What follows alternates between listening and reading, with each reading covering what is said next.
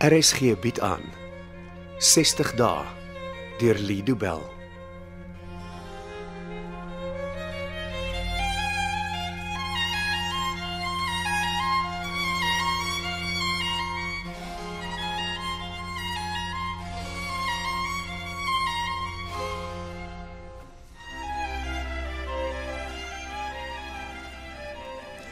Ek weet nie waar hy is nie. Sy kantoor staan van vroeg af al leeg.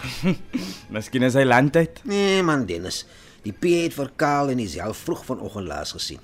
So die twee van hulle het sonder dat enigiemand dit gesien het by die kantoor weggeglip. Die mense by die ontvangs sou gesien het, maar ek is nie lus om hulle te vra nie. Net toe vertel hulle vir hom ek het na hom gesoek en Karl dink ek is besig om hom te spioneer. Maar hoe sluip mens by 'n besige kantoor uit? Jy het jou vraag self beantwoord. Se lees alleen van note is 'n besige kantoor. Mense kom en gaan die hele dag.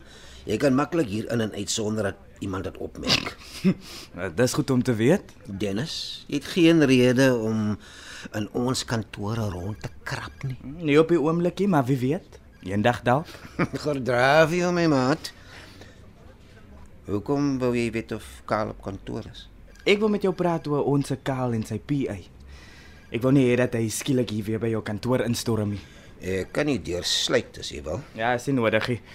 Solank ons nie geraas maak in jou kantoorie, sal ons hom hoor aankom. Karl storm die gange soos 'n ontstoke bil op en af. Hy's reg. Ons sal genoeg waarskuwing hê.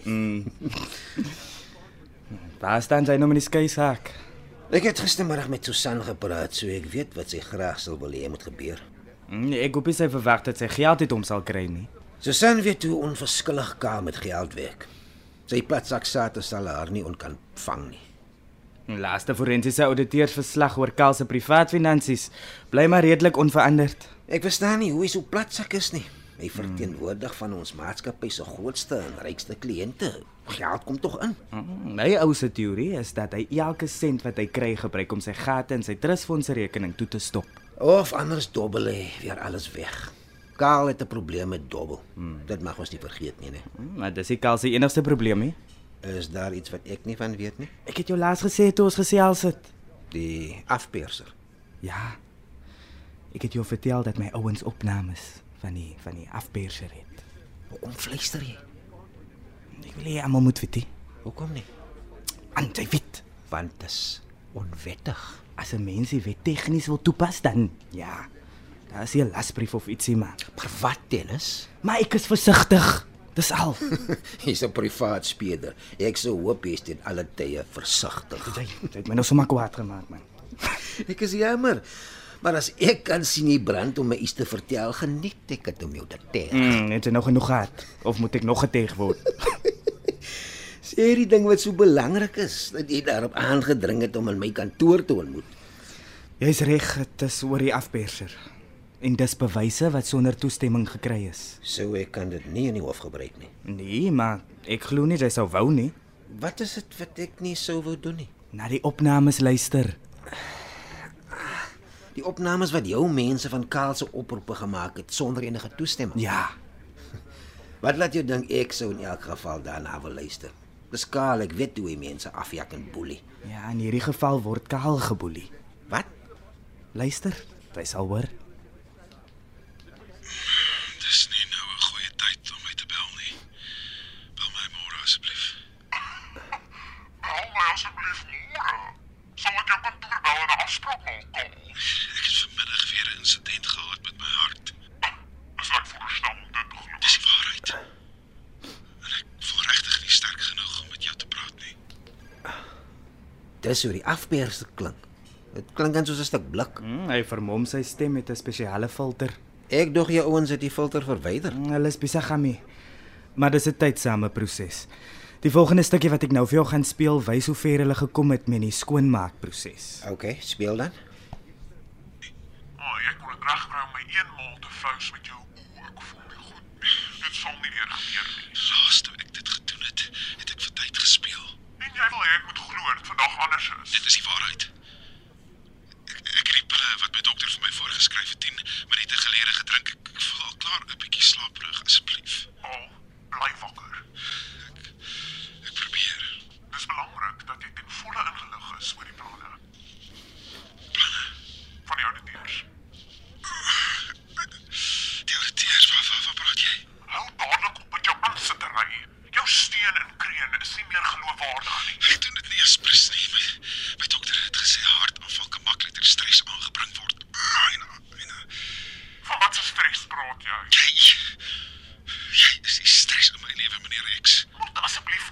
nonsens nie. Ek het erge steekpyn in in my bors. Fooi tog, arme Kareltjie. 'n Mense verwag dat 'n man wat al jare lank geld verdoesel, verduister en net gewoonweg steel, teen nou al die stres van sy werk kan hanteer. Ah, Stop die ding daar, Dennis. Ek wil nie meer hoor nie. En Wat dink jy daarvan? Dat Karl diep, diep in die moeilikheid is. Ja, dit weet ons. Ek vra eintlik wat jy dink oor die stem. Ek ken die stem nie. Dit is in elk geval te onduidelik om as getuienis enige waarde in die hof te hê. Klink dit nie vir jou soos 'n vrou nie. Dit kan waar wees, maar miskien is dit nie net hoe hulle dit filter wat dit so laat klink nie. Ek weet nie. Ek dink ons is amper daar hoor. Een van die dae sal ons die afperser se stem kan hoor en dit sal die einde van meneer X beteken. Ja, dit staan ja wat bel. Uh, gee om 'n stukkie oproep gou net. Nee man, glad nie. Sy bel my nooit by die werk nie tensy dit dringend is nie. Hm, En dan weet dit jy antwoord. Hallo Tanya, alles oukei? Okay? Hallo daar. Daar's nie 'n probleem nie. Ek bel met inligting. Informasie wat ek kan gebruik. Ek weet nie. Het iemand julle kantoor al laat weet oor Karl? Wat het hy nou weer aangevang? Onthou jy vir Paloma van der Merwe wat saam met my op die skool was? Dis onmoontlik om haar te vergeet. Maar sy is nou gekwalifiseer as 'n verpleër en ek het nou net 'n oproep van haar ontvang. Jy het laas gesê sy werk by 'n private hospitaal. Karl is bietjie meer as 'n uur gelede daar opgeneem. Hoekom het sy vir jou gebel? Sy weet jy en Karl werk saam.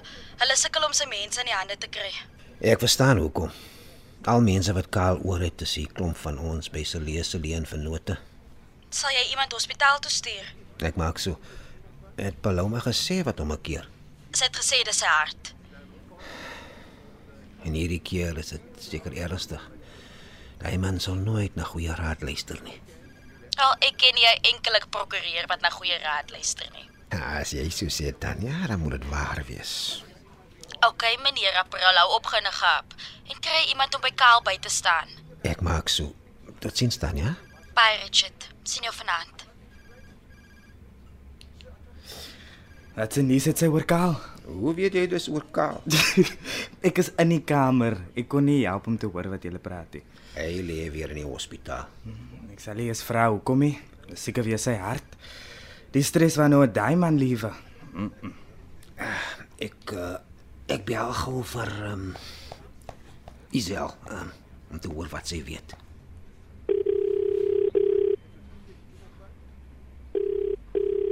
The subscriber you have dialed is not available. Please try again later. Ha, sy antwoord nie. Wil jy ek moet hospitaal toe en sien wat aangaan? Ja, dis nie 'n slegte idee nie. Ag, Ek dink ek kom saam. Iemand van ons firma moet daar wees.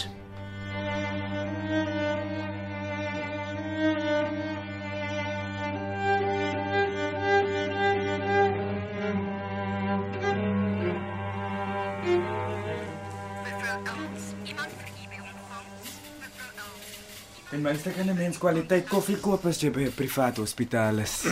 Dankie Dennis. Jy's diep in gedagte. Wat's fout? Niks nie, ek het net sit en dink oor die arme Kaal. Arme Kaal. Ek is lus en stuur vir hom sommer die rekening. Hy werk nie vir hom nie. Hy mors my tyd so baie. Ek kom maar net sowel vir hom gewerk het. En boonop moet ek nog in hierdie hospitaal wagkamer sit totdat die dokters besluit om vir ons iets te kom sê. Hy was nog nooit gemaklik in 'n hospitaal nie, was hy? Sulke plekke gee my die horries. O, oh, arme ou Dennis. Man. Waar kom die sak vandaan? Een van die mense wat hier werk, het dit gebring terwyl hy na koffie gaan soek het. Hoekom? Dis Kaal se goed. Wat se goed. Sy klere, sy sleutels en al sy ander goed. Hm, Hoekom moet jy dit oppas? Die hospitaal wil nie verantwoordelikheid daarvoor aanvaar nie. Een van sy familielede is hier nie. Tog gee dit sommer vir jou. Ek moes teken vir die sak. Kan ek loer wat daarin is? Nee, jy krap nie in 'n ander man se goed nie, Dis Dennis. letterlik my werk. Los die sak uit, daar's niks vir jou om te sien nie. Miskien kan dit help met die skei saak. Nee, Dennis, so laag daal ek nie. Laas week gekyk het, was daar 'n hele span dokters en spesialiste by ongevalle wat geveg het om vir Karl aan die lewe te hou. OK, OK, ek verstaan. Don't kick a dog when he's down. Ek kan jouself versigtig te werk moet gaan as dit by Karl en Susan kom. Hm, Niks te sê oor Karl en sy trustfondse nie. Ek wens ek het verstaan. Dit klink nie na my foon nie, is dit jou foon wat lê? Nee, En waar lê die foon dan? dit klink asof dit hier nie in die sak kan wees. Antwoord dit. Nee, dis Karl se foon. Ek ek kan nie sy privaat oproepe wil beantwoord nie. Hy veg vir sy lewe. Hy sal vir Dani sy foon kan beantwoord. nie. Wat as dit belangrik is? Ek kan dit nie doen nie. Man, ek kan gee die sakkie. Hier is die foon. Kyk wie bel. Is dit die afperser? Dit sê ek op sy skerm, dit moet wees. Ek gaan nou antwoord. Wat kan jy vir hom sê? Ek man, ek sal improvise. Hallo? Hallo? Ek kan hoor jy's daar. Sê iets. Wie's jy? Nee. Die belangriker vraag is meneer X. Wie is jy?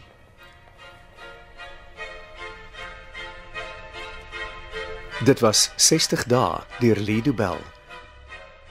Cassie Lauers beheer die tegniese versorging en dit word in Kaapstad opgevoer onder regie van Anri Gerbst.